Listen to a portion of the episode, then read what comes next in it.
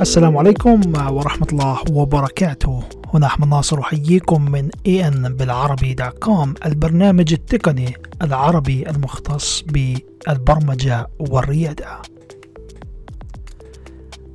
أخوكم أحمد ناصر مؤسس موقع بالعربي وشركة Green Back End أرحب بكم في هذا البرنامج الإذاعي بودكاست الذي سنقوم بنشره على سبوتيفاي وآبل بودكاست. أسعد الله أوقاتكم جميعا.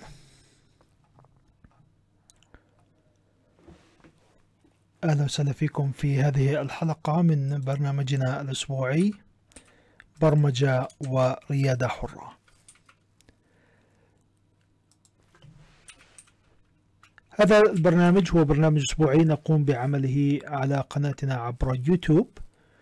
ونغطي فيه العديد من المفاهيم المتعلقة بالبرمجة والريادة وكيف تحصل على فرصتك في البرمجة والعمل الحر من خلال تطوير مهاراتك وعقليتك. أخوكم أحمد ناصر صاحب شركة أحمد ناصر تنكي Solutions LLC في لويزيانا أمريكا وأيضا صاحب شركة Green Back في فلسطين. شرف أن أكون معكم في بث مباشر حول العديد من الأمور التي سنغطيها في هذا الفيديو وسنغطي موضوعا مهما جدا هو هرم ماسلو. طبعا هرم ماسلو أو ما يعرف بتدرج الحاجات هو من أحد النظريات الأساسية في علم النفس والتي قدمها العالم إبراهام ماسلو في ورقة بحثية عام 1943 في دورية أو مجلة المراجعة النفسية العلمية. فسنقوم بتغطية هرم ماسلو ونجيب على السؤال الذي يردني مرارا وتكرارا لماذا لا يمكن للجميع تعلم البرمجة والإبداع فيها؟ وهذا السؤال طبعا ستكتشفون في هذا البث عن السبب الرئيسي الذي آه، يمنع العديد من الأشخاص من تعلم البرمجة. وأيضا الإبداع فيها لأن البرمجة هي عبارة عن مهنة إبداعية وليست مهنة آه، للجميع بالنهاية. يعني الجميع ليس باستطاعته أو دعنا نكون موضوعين أكثر أنه الجميع يمكنه أن يتعلم البرمجة ولكن هل فعلا يمكن للجميع أن يعمل في البرمجة أو يحصل على فرصة في البرمجة؟ أكيد بالطبع لا. وحتى الذين يذهبون إلى الجامعة ويدخلون في تخصص الطب مثلا لا نقدر نقول أن جميع هؤلاء الطلاب يشتغلون بالطب. حتى عندما يتخرجون بالطب بعد خمسة أو ست سنوات ليس جميع الخريجين آه، قادرين على العمل بالطب لأن كل مهنة ولها خصائصها متطلباتها شخصياتها وأيضا فرصها. أهلا وسهلا فيكم جميعا في هذا البث. آه، أهلا وسهلا يا علي كيف الحال؟ طمنا عنك. تقدروا تسألوا أي أسئلة استفسارات في خلال هالبث آه، دعونا ننتقل إلى هرم ماسلو ونقوم بشرح بعض التفاصيل المختصة بهذا الهرم ونوضحه لكم بشكل تفصيلي. بداية آه، نظرية آه، الهرم أو تدرج الحاجات okay هي من أحد النظريات المهمة جدا التي تساعدك بشكل عام في حياتك وبشكل خاص بحياتك كمبرمج. لأن هذه النظرية تحتوي على خمس حاجات رئيسية. okay؟ بالإضافة لأمور أخرى. يعني هذه الحاجات الرئيسية التي يجب أن تكون متوفرة عند المبرمج زائد okay؟ أمور أخرى من ضمنها التفكير الإيجابي من ضمنها معرفة الفرق بين التفكير السلبي والتفكير الإيجابي وأيضا الحيادية. آه، من ضمنها أيضا الحفاظ على العقلية والتفكير الإيجابي على نمط التفكير الإيجابي. لأنه إذا أنت كنت عندك تفكير سلبي صعب تشتغل في البرمجة ما ما بتزبط. شوف لك شغلة ثانية من الآن. إذا أنت شخص سلبي ما راح تزبط في البرمجة. روح شوف لك شغلة ثانية. تمام؟ آه لازم يكون عندك تفكير إيجابي. هلا هرم ماسلو ما بنحكي عن تفكير إيجابي وسلبي بنحكي عن إيش الأشياء اللي لازم تكون موجودة عندك عشان تقدر تشتغل في مجال البرمجيات. فدعونا نبدأ بهذا الهرم. إذا بتلاحظوا الهرم بشكل عام دائما له قاعدة. هاي القاعدة بتكون في أسفل الهرم okay؟ فهذه القاعدة لما اجى العالم آه، إبراهام ماسلو حكى إنه في أن قاعدة الهرم القاعدة الأولى للهرم فيها الحاجات الفسيولوجية. أوكي؟ فسيولوجية يعني الطعام التنفس الماء النوم الزواج الجنس والتوازن. هلأ إذا الشخصية مثلا غير متزنة ما بزبط تنتقل للمرحلة الثانية. يعني هسه إحنا ما حققنا الحاجات الفسيولوجية الأساسية. يعني مثلا أعطيكم مثال في دول فيها صراعات كثيرة وأنتم مش خشمين على على الساحة العربية مثلا أو الساحة العالمية دول مثلا زي اليمن. كم عندنا صراعات في اليمن؟ الصومال آه، سوريا. آه، تيجي تحكي لي مبرمج لسه مش لاقي يوكل مثلا مش لاقي يطعم اولادته تيجي تحكي له تعلم برمجة مثلا ما بزبط. لازم يكون الشخص عنده آه، الأساسيات الحاجات الفسيولوجية موجودة عنده. يكون حتى نحن كمبرمجين مثلا في حياتنا اليومية إذا ما كان عندنا قسط كامل من النوم يعني نعمل لك مثلا ست ساعات ثمان ساعات okay؟ معنى يوم مثلا نمت ساعتين okay؟ مش راح تكون إنتاجيتك عالية في هذاك اليوم. ممكن تكون يوم بس اليوم الثاني بتتعب. فالنوم حاجة فسيولوجية في الإنسان ما بيقدر يستغنى عنها. نفس الشيء الماء أنت ما بتشرب كمية كافية من الماء ما بتأكل منيح. آه هاي أمور ما بتخليك تنتقل للخطوة التالية. فالحاجات الفسيولوجيه ضروري تكون موجودة عندك عشان تقدر تنتقل ل آه، المرحلة التالية. فما نقدر نيجي نحكي مثلا عن السلامة الجسدية أو الأمن الوظيفي أو أمن الممتلكات قبل ما نحكي عن توفر الحاجات الأساسية والفسيولوجية. تمام؟ فهي حاجات أساسية بيحكي عنها العالم آه ماسلو في قاع الهرم. تمام؟ تنفس طعام ماء نوم زواج توازن. هلا الحاجات اللي بعدها اللي هي حاجات الأمان. يعني إذا أنت كنت عايش في مكان أو في بيئة أو خلينا نحكي في بلد ما فيها أمان فيها حرب دائم فيها مشاكل فيها نزاعات.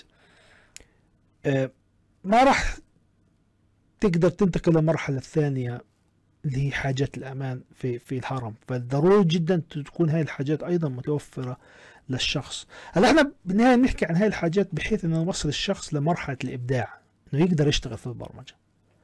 يعني ما تقدرش تجيب مبرمج مثلا تيجي تحكي له اكتب كود ولا بطخك مثلا. ما بزبط. تمام؟ ما بينفع لأنه التفكير بده حرية شخص يكون عنده حرية. آه فما بينفع تيجي شخص ما عنده حرية شخصية يجي يجي يحكي لك والله أنا بدي أصير مبرمج. أصلا أنت حرية شخصية ما في عندك. بدك تصير مبرمج لازم يكون شخص حر حر نفسه يعني. ما حدا آه يفرض عليه شيء. هو يكون إنسان حر. فالسلامة الجسدية الأمن الوظيفي okay أمن الممتلكات امن الموارد الأمن الأسري والصحي. هاي أمور أساسية في حاجات الأمان في هرم ماسلو لازم تكون موجودة. تمام؟ يعني شخص مريض مثلا ما بيقدر يجي يصير مبرمج. شخص مريض نفسي ما بيقدر يصير مبرمج. صح شخص عنده مرض جسدي تعبان فلوس مقورن ما بيقدر يجي يشتغل لك في البرمجة. انه بده يكون باله صافي ما عنده إشي يأرقه آه. تمام. آه، شخص ما عنده كهرباء ما في موارد آه، ما في كهرباء ما في بيئة مناسبة يقعد فيها يجلس يبرمج آه، ما في موارد كافية. ما في عنده مكان يجلس فيه. ما بقدر يبرمج. انت حتى انت في بيتك لو ما عندك مكان تقعد فيه غرفة خاصة إنك تقعد تبرمج وتركز ما بتزبط للبرمجة. تمام؟ فضروري جدا أنت كمبرمج يكون عندك مكان استوديو لو طاولة بس مكان تقعد فيه بنفسك بدون ما حدا يقاطعك تكون تقدر تركز هذا أمان ممكن حتى في نفس بيتك أنت عايش مع إخوانك بس ما عندك privacy ما عندك private zone ممكن أحيانا ما يكون عندك private zone تضطر تشتغل في الليل. يعني أنا صارت معي إنه في بعض الأحيان كان في إزعاج ما كنت أقدر أشتغل في النهار فاضطريت أحول برنامجي أشتغل في الليل لأنه في الليل في سكون وفي هدوء وكذا. ففي حلول دائما فحتى حاجات الأمان هاي لازم تكون تركز عليها. تمام؟ فهي نيجي للنقطة الثانية في يعني مربع أو هرم آه، الحاجات. فينا الدرجة الثالثة في الهرم وهي درجة الحاجات الاجتماعية. إحنا كبشر حاجتنا اجتماعية. يعني أنت ما بتقدر تيجي تعيش لوحدك وما تحتك في البشر. okay ما بتقدر أصلا تعمل business بدون ما تحتاج الناس. ما ت... يعني حتى ال business بدون بشر ما بتقدر تشتغل بدون بشر. آه فعلاقاتنا الاسريه مش بس على مستوى البزنس على مستوى الحاجات الاجتماعية. يعني يكون عندك صداقة يكون عندك آه، علاقات أسرية مع عيلتك مع أهلك مع أصحابك مع مع أصدقائك مع عيلتك أهم شيء. يكون عندك العلاقات. ف يعني السعادة أصلا ما بتقدرش تكون سعيد لوحدك. يعني أحيانا السعادة لازم تكون معك شخص تشاركه هاي السعادة. هاي الشخص ممكن يكون أسرتك عيلتك أولادك. آه فهاي هي الحاجات الاجتماعية. عشان هيك يعني آه كثير في تفكك أسري مثلا في أوروبا في أمريكا لأنه في خلل في الحاجات الاجتماعية. ما في استقرار. فبتلاحظ أن نسبة المبرمجين العرب والأسيويين أعلى من نسبة آه الأمريكان نفسهم. ليش؟ بدناش نحكي الكل بس في نسبة كبيرة أن المجتمعات الأسيوية والمجتمعات العربية كثير فيها تماسك أسري. فهذا التماسك بينعكس على الحاجة الاجتماعية للإنسان. أوكي؟ أه فالحاجة الاجتماعية أمر لا بد منه. وهي النقطة الثالثة أو القاعدة الثالثة في الهرم. أه ننتقل على القاعدة الرابعة والخامسة خلينا نشوف أه الأسئلة اللي معنا هنا على اليوتيوب. تحياتي لكم جميعا. آه، أي حد عنده أسئلة استفسارات آه، ممكن تطرحوه معنا في تشات بشرفني جدا أجيب على جميع أسئلتكم. تمام. خلينا ننتقل على النقطة آه، التي تليها وهي القاعدة الرابعة في الهرم. طبعا القاعدة الرابعة في هرم ماسلو اللي بنحكي فيها الحاجة إلى التقدير. طبعا التقدير بنحكي عن ثقة أنت أنت تكون عندك ثقة بنفسك. يكون عندك إنجازات. طبعا الثقة هاي بتيجي من الإنجازات. okay؟ الثقة تيجي من الانجازات يعني أنت ما في عندك إنجازات ممكن تكون ثقتك ضعيفة. آه والثقة أيضا بتنبع من تقدير الذات. بس دير بالك إذا أنت بكون عندك تقدير ذات عالي عالي جدا بتكون نسبة الإيجو عندك عالية فممكن يكون عندك تكبر. والتكبر صفة ذميمة. يعني صفة آه، أول شيء إذا أنت إنسان متكبر لا يمكنك أنك تتعلم. لا يمكنك أنك تتعايش مع الآخرين إذا أنت إنسان متكبر لأنك بتشوف نفسك أفضل من الآخرين. وما بكون عندك قدرة أنك تت... الإمباثي بتكون عندك صفر. فضروري جدا يكون عندك تقدير ذات من أبرز الأمور تكون موجودة. عندك ثقة بنفسك تقدر ذاتك وتحترم ذاتك وتحترم الآخرين. فدائما إحنا كنا في المدرسة يحكي لك اللي بيحترمش نفسه بيحترمش الآخرين. فعلا اللي ما بيحترم نفسه ما بيحترم الآخرين. لأن احترامك لنفسك راح تحترم الآخرين. آه فهي كلها أمور مربوطة في بعض. هذه الحاجة ربطها العالم ماسلو في ضمن أطار سموه الحاجة إلى التقدير. يعني أنا كثير ناس بتعاطف مع ناس كثير في كثير من الحالات. آه شخص مثلا أساء لي أو شخص آه أذاني أو شخص آه سلوك تصرف غير سليم بشفق عليه. ليش؟ لأنه الله أعلم كيف هذا تربى. يعني ما تعرض للأمور اللي أنت عشت فيها. فبدك تشفق عليه. أوكي؟ ففي بعض الناس فعلا يعني بتحتاج إنك تشفق عليهم. وهذا النوع من احترامك لنفسك إنك تشفق عليهم.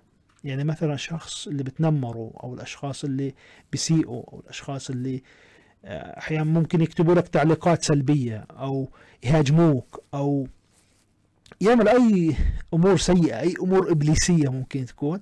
هذول أشخاص ما تربوا صح.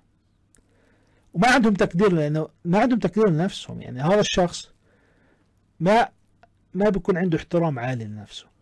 هيك ممكن يهاجم الآخرين. ممكن هذا الشخص يكون يهاجمك على آه خلف الشاشات بس في الواقع لما إذا بتلتقي معه ما يكون له عين يبحر أو ينظر عين في عين. ليش؟ لأنه بكون أصلا ما عنده تقدير لنفسه. بكون شخص ضعيف شخص ما عنده شخصية. فضروري جدا إنه يكون عندك آه احترام وتقدير لأنك عشان تقدر تسمع من الآخرين تحترم علمهم تحترم ثقافتهم تحترم آه خبرتهم لازم انت نفسك تكون تحترم نفسك تحترم أه تكون عندك ثقة. لأنه فاقد الشيء لا يعطي أنت شخص لا تثق بنفسك فبالتالي لا مش راح تثق بشخص آخر لأنه أصلا أنت فاقد الثقة هاي. ففاقد الثقة لا يعطيها. أه فبنحكي عن ثقة تنبع من الإنجازات تنبع من تقدير الذات وأيضا بينعكس أثرها على نفسك وعلى احترام الآخرين وهي سماها العالم ماسلو في الحاجة إلى التقدير. فلاحظ هاي الحاجة التقدير فيها خلل أيضا للأسف ما راح راح تمنعك بشكل كبير آه إنك تقدر تنتقل لقمة الهرم. أوكي؟ آه فبالعادة الأشخاص أصلا اللي ما عندهم ثقة ما عندهم إنجازات ما بيكون عندهم إنجازات في حياتهم.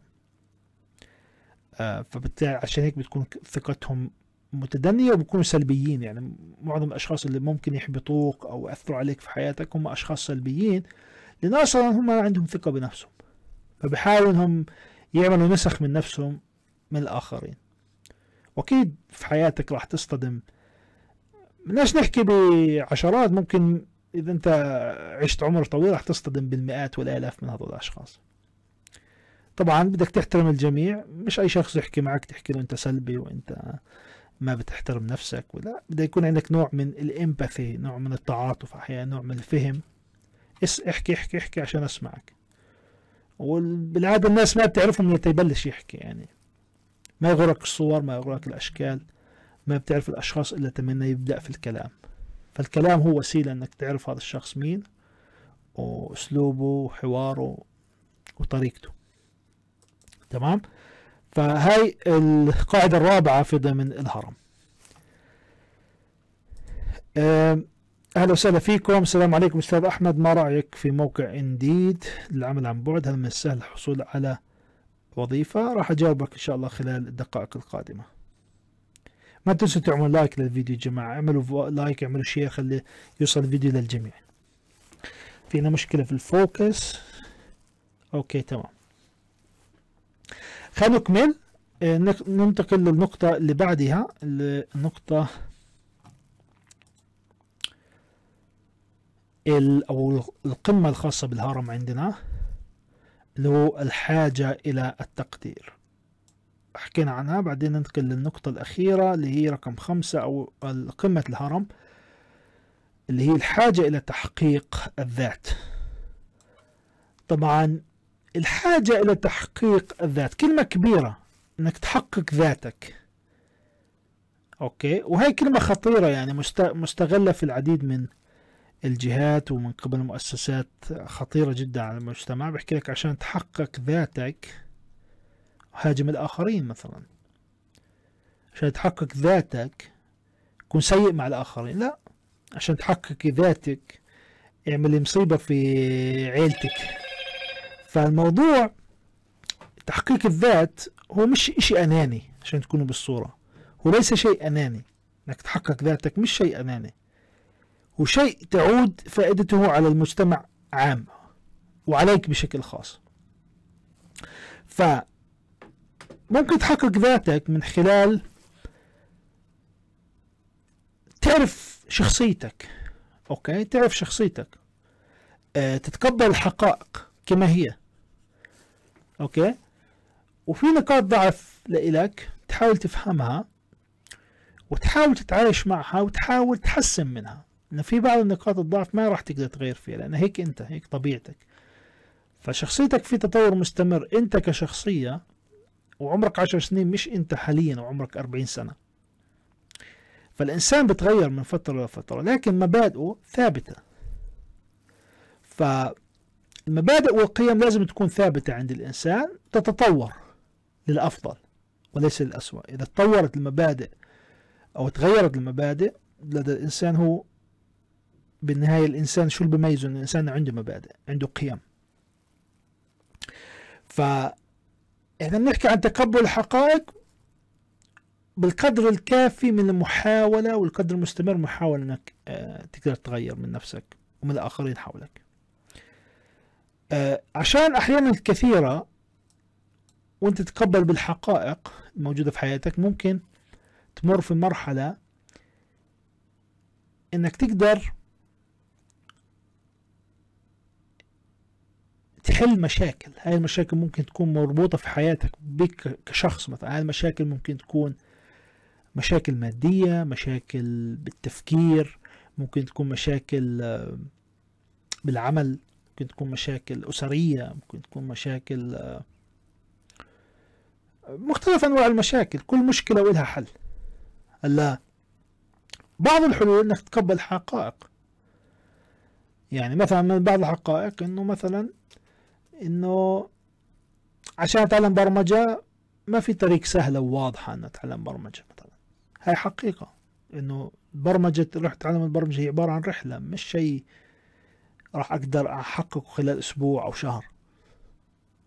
فهي حقيقة أنا لازم اؤمن فيها إنه زي مثلا بدك تروح تلعب في الجيم تعمل جسم تعمل six packs و... ما في طريقة إنك خلال شهر أو شهرين تعمل six packs وتعمل جسم وتعمل عضلات. ما في طريقة خلال شهر شهر بدك شهور طويلة من الممارسة المستمرة. هاي حقيقة لازم تتقبلها. لازم تستمر أيضا عليها عشان تقدر آه، توصل لهدفك. وحل المشاكل بشكل عام هي عبارة عن طريقة من خلالها أنت ممكن توصل للقمة في الهرم وإذا قدرت توصل لنقطة حل مشاكل راح كثير أمور تعدل عليها وتحسن فيها في حياتك. يعني البرمجة بحد ذاتها هي مهارة تعتمد على حل مشاكل.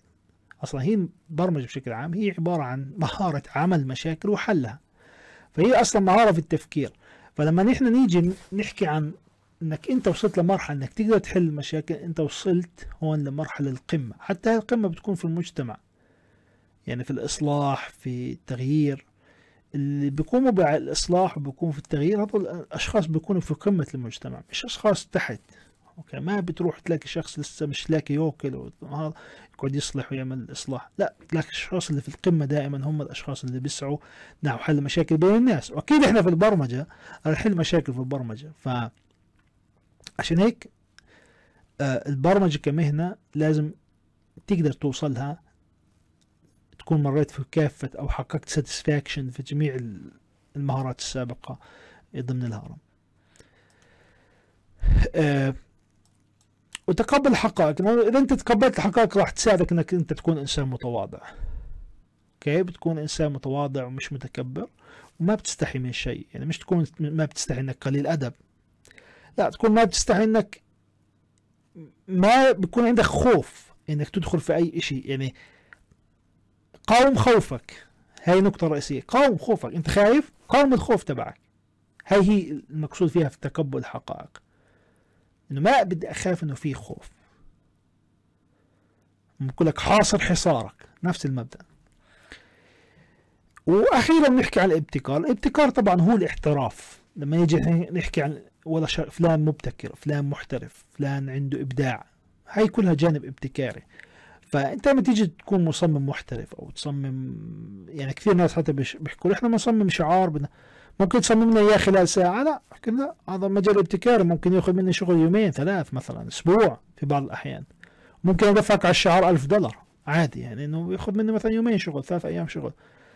بس ما أقدرش أجي أعمل لك شعار مثلا خلال ساعة أو خلال ساعتين لأنه بدي كمية أفكار لازم أجتمع معك أخذ متطلبات آه، أدرس آه، ال brand الخاص فيك أشوف شو بدك تستخدم ألوان في عندك أفكار سابقة أطلع إشي creative أو recreative فالابتكار دائما كلمة مهمة جدا و آه، بالحقيقة من أبرز الأمور اللي بتميز الشخص المحترف فاهم معلم يعني شخص يكون معلم في شغله هو إنه عنده قدرة على الابتكار. لأن يعني الابتكار هو عبارة عن طريقة أنا بعتبرها من ضمن الطرق الإبداعية في حل المشاكل. وهي المهارة مطلوبة بشكل كبير في البرمجة والتصميم بشكل خاص. قدرة على الابتكار.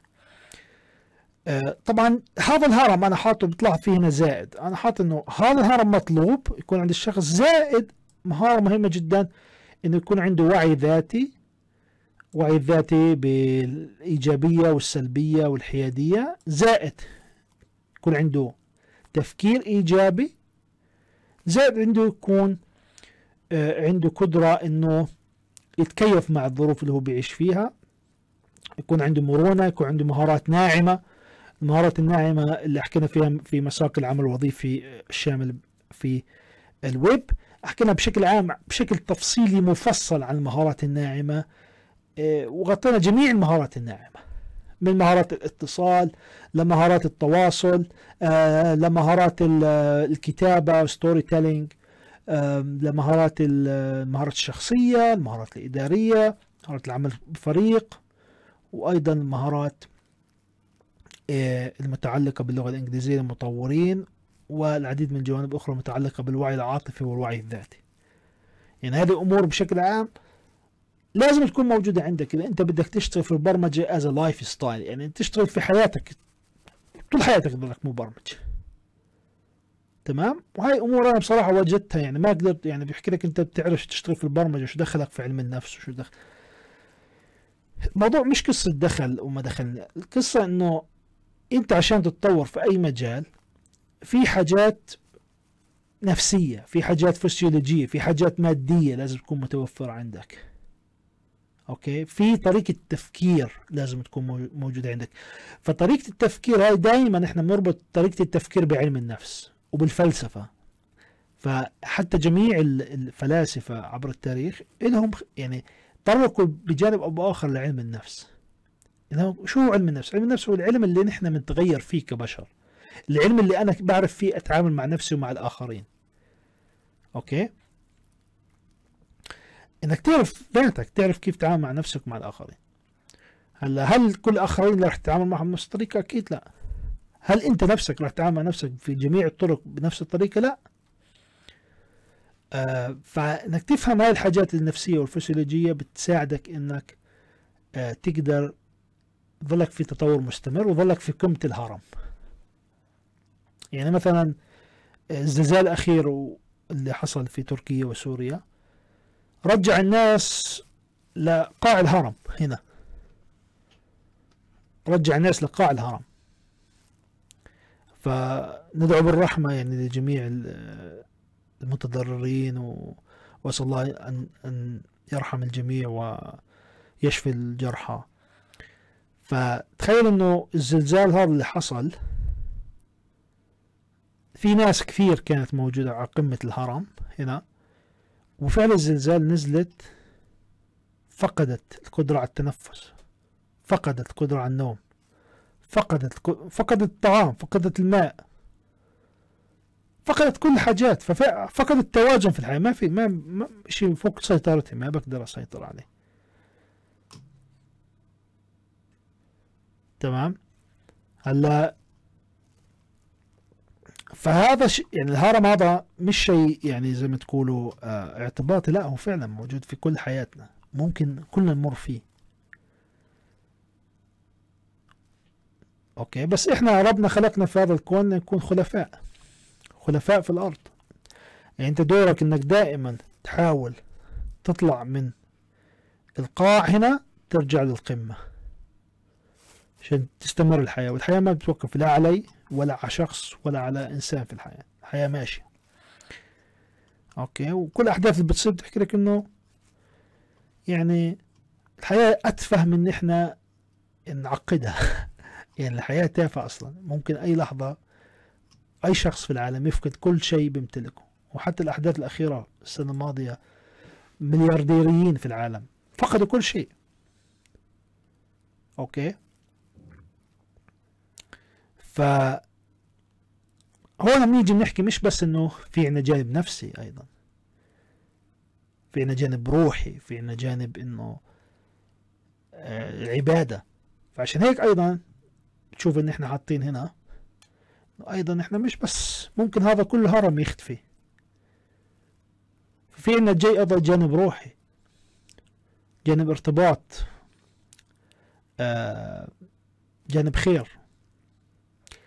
فهاي الأمور كلها بتساعدك إذا كانت موجودة عندك في شخصيتك بتساعدك إنك تتقبل أي ظرف راح تمر فيه في حياتك وتستمر. سواء إيجابا أو سلبا. مهما يصير في حياتك أنت راضي بقضاء الله شو ما صار. أوكي؟ إحنا بنتوكل على بنبذل بالأسباب بنحاول نطور على نفسنا بس بالنهاية في قوة خفية في العالم. هي بتسير كل شيء.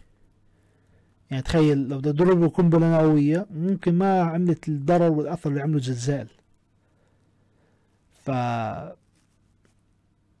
يعني هاي الأحداث كلها بتخلينا دائما نفكر بنفسنا إنه أيضا مش كل شيء إحنا نتحكم فيه في الحياة. مش كل شيء فلوس. إحنا بنقدر نتحكم في أحيانا الوقت نقدر نتحكم في وقتنا بنقدر نحسن في صحتنا نحسن في بعض الأمور في حالتنا المادية أوكي؟ بس في أمور ما بنقدر نحسن فيها. وهاي بتخليك إنه دائما أحيانا كثير إنك تستشعر عظمة الله. يعني إنه مش كل شيء في حياتنا آه، في يد البشر في أشياء كثير في حياتنا آه، في يد رب العالمين. طبعا سبق ودخلت في نقاشات سابقا مع آه، أشخاص ملحدين. بحكي له طب أنت كل الأحداث اللي بتصير والأمور الغريبة اللي بتصير في العالم شو يعني كيف بتأولها؟ بيحكي لي هاي ال universe.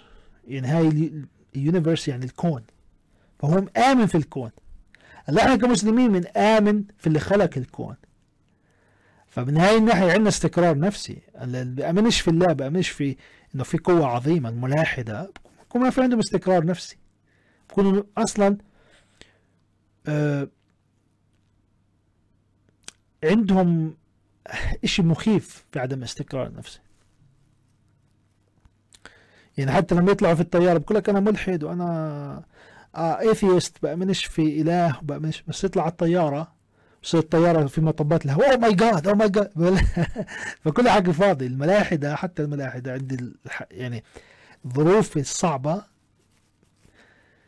بيرجعوا بيآمنوا بالله لأنه هاي فطرة فطرها فطرة فطرها الله في نفوس العباد.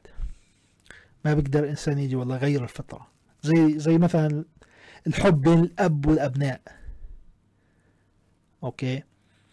هاي علاقة ربنا فطرية ما بيقدر إنسان يجي يحكي إنه بدي أنزع هاي الحب مثلا أو العلاقة بين الولد وأمه. هاي علاقة فطرية يعني ما مهما تمر الأمور في علاقة بتظلها موجودة مشاعر في آه، أمور فطرية في الحياة. ما بيقدر إنسان يجي آه، ينزعه نفس الشيء إيمانك بأنه في وجود خالق حتى لو أنت بتحكي أنك أنت ملحد بتأمنش بإله أو أنك أنت متكبر يعني نفس درجة التكبر عندك زادت. يعني صرت أنت تفترض أنك أنت إله.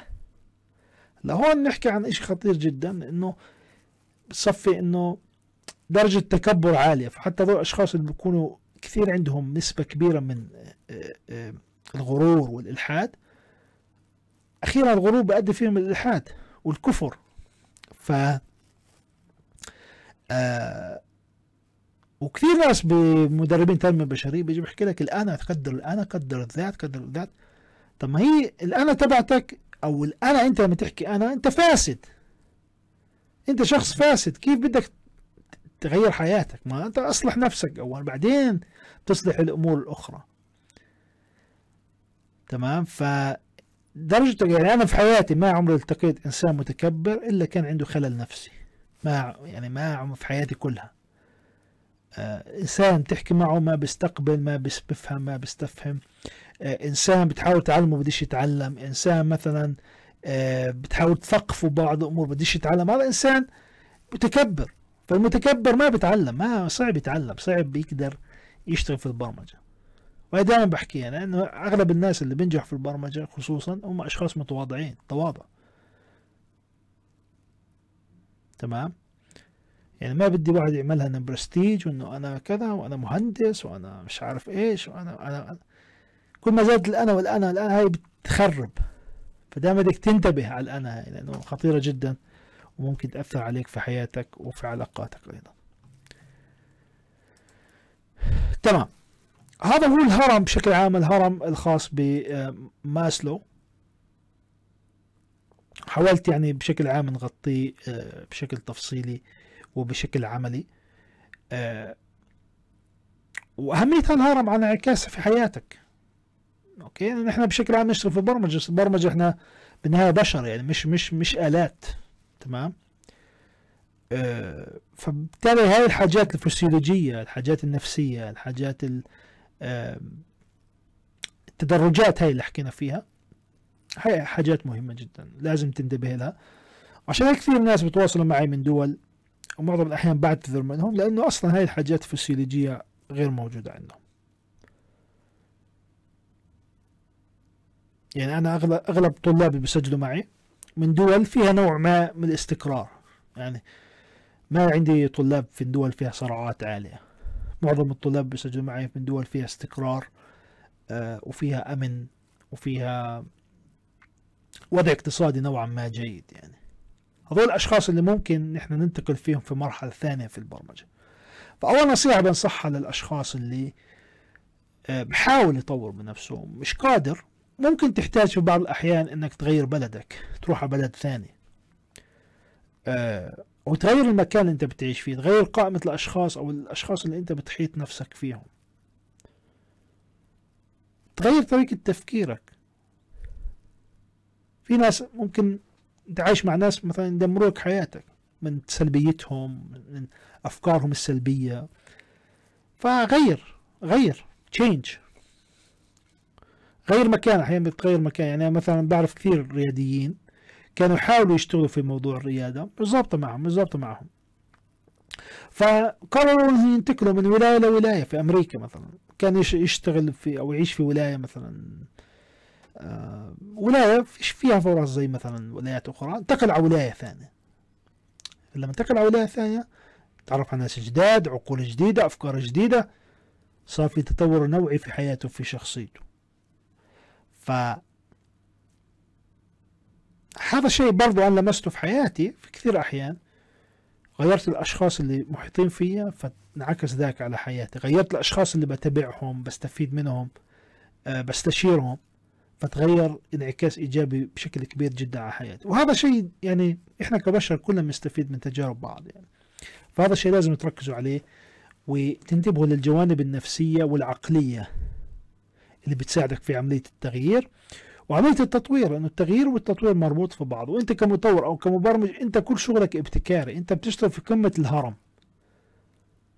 فإذا ما كان عندك قمة الهرم هاي حاول غير حاول لاقي حل. اشتغل على الحل. ممكن الحل هذا ياخذ منك سنين أحيانا. ممكن ياخذ منك شهور. ممكن ياخذ منك تعب ومعاناة وسفر عشان تقدر توصل لقمة الهرم. فالوصول لقمة الهرم مش شيء سهل. وما حدا راح يجيبك ويمسكك ويحطك على قمة الهرم. لازم أنت تشتغل على نفسك وعلى آه على احتياجاتك.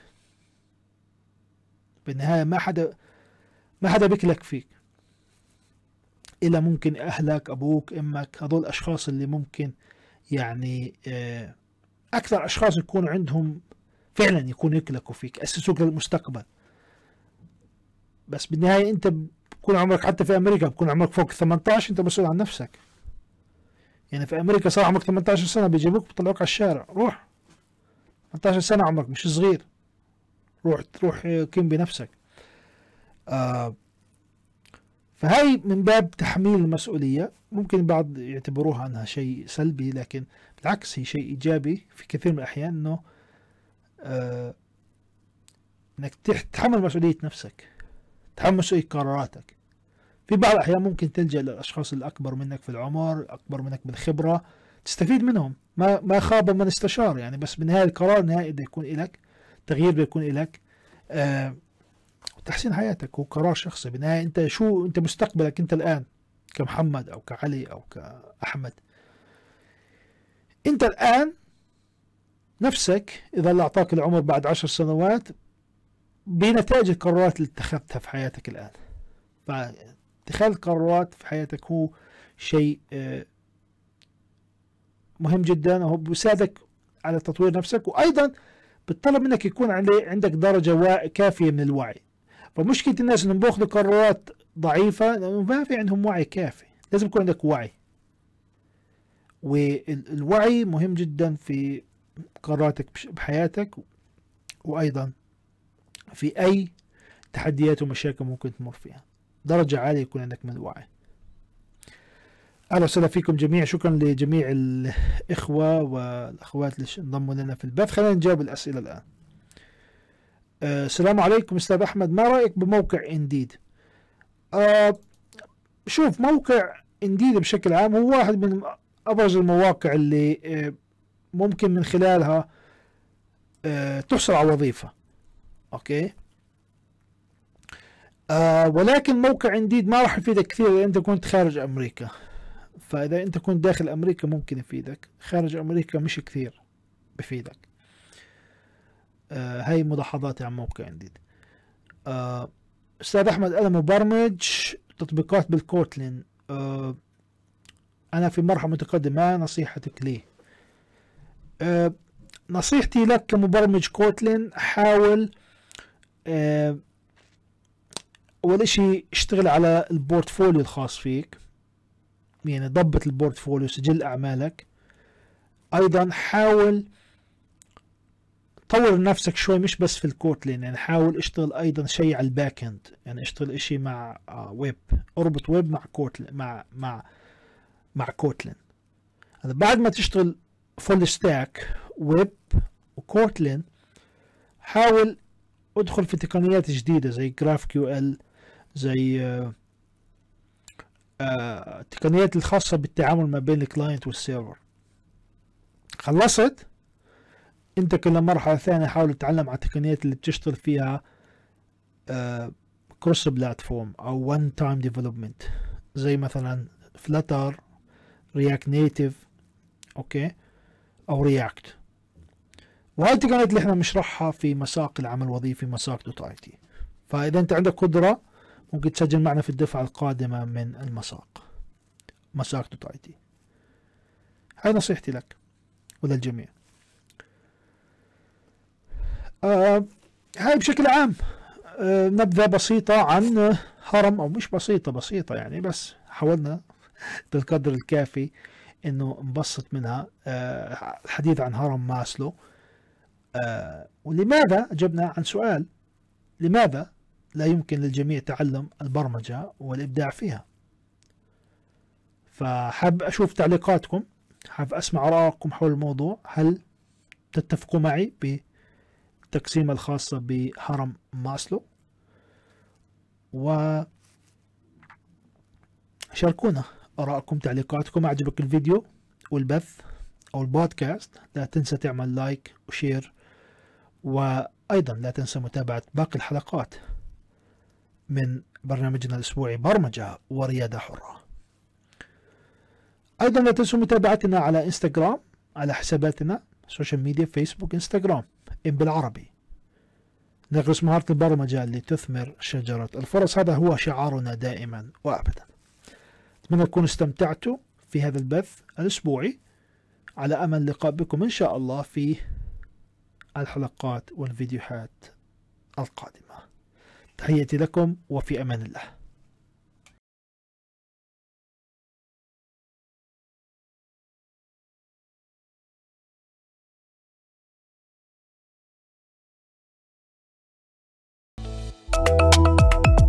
انضم لنا في ambilعربي.com/courses وابدأ رحلتك التدريبية اليوم.